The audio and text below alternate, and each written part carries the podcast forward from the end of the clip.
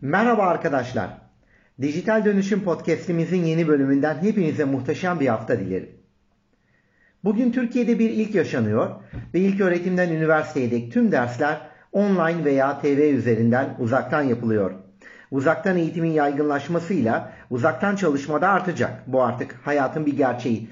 Türkiye'nin telekom altyapısında fiber iletişim tüm paydaşlar için yaygınlaşana dek internet trafiğinde yoğunluk olabilir.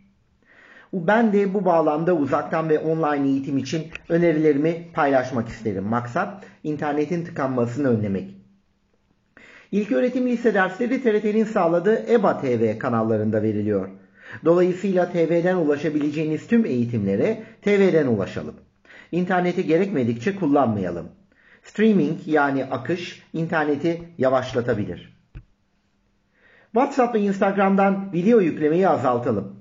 Skype görüşmelerini sesli yapmaya gayret edelim.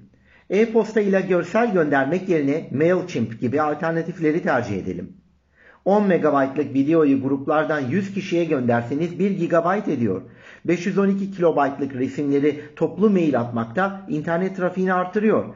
WhatsApp gruplarında yazarak haberleşelim. Ses ve görseli azaltalım. Ben de Endüstri Radyo'daki Dijital Gelecek programıma podcast olarak devam ediyorum. Bu haftaki konuğumda KSV Pompa Armatür Genel Müdürü ve POMSAT Başkan Yardımcısı Sinan Özgür oldu. Skype üzerinden sesli görüşme yapıp kayda aldık. Podcast internete yüklenir yüklenmez sizinle paylaşacağım. Bilgi Üniversitesi'nin Blackboard sistemiyle 4 yıldır online ders veriyorum zaten. Yüz yüze dersler iptal oldu ama online derslerim bu hafta başlıyor. Hatta geçen hafta öğrencilerim dersten kopmasın diye Discord'dan gayri resmi ders bile verdim. Uzaktan eğitim ve çalışma ile ilgili yeni çözümlerimle kısa sürede aranızda olacağım. Siz de beceri açığını kapatarak dijital dönüşüm yapma, uzaktan eğitim ve uzaktan çalışma, bilim teknoloji konularında beni Spotify'dan takip edebilirsiniz. Yeni bölümlerde ve sosyal ağlardaki paylaşımlarda görüşmek üzere sağlıcakla kalın, kendinize dikkat edin.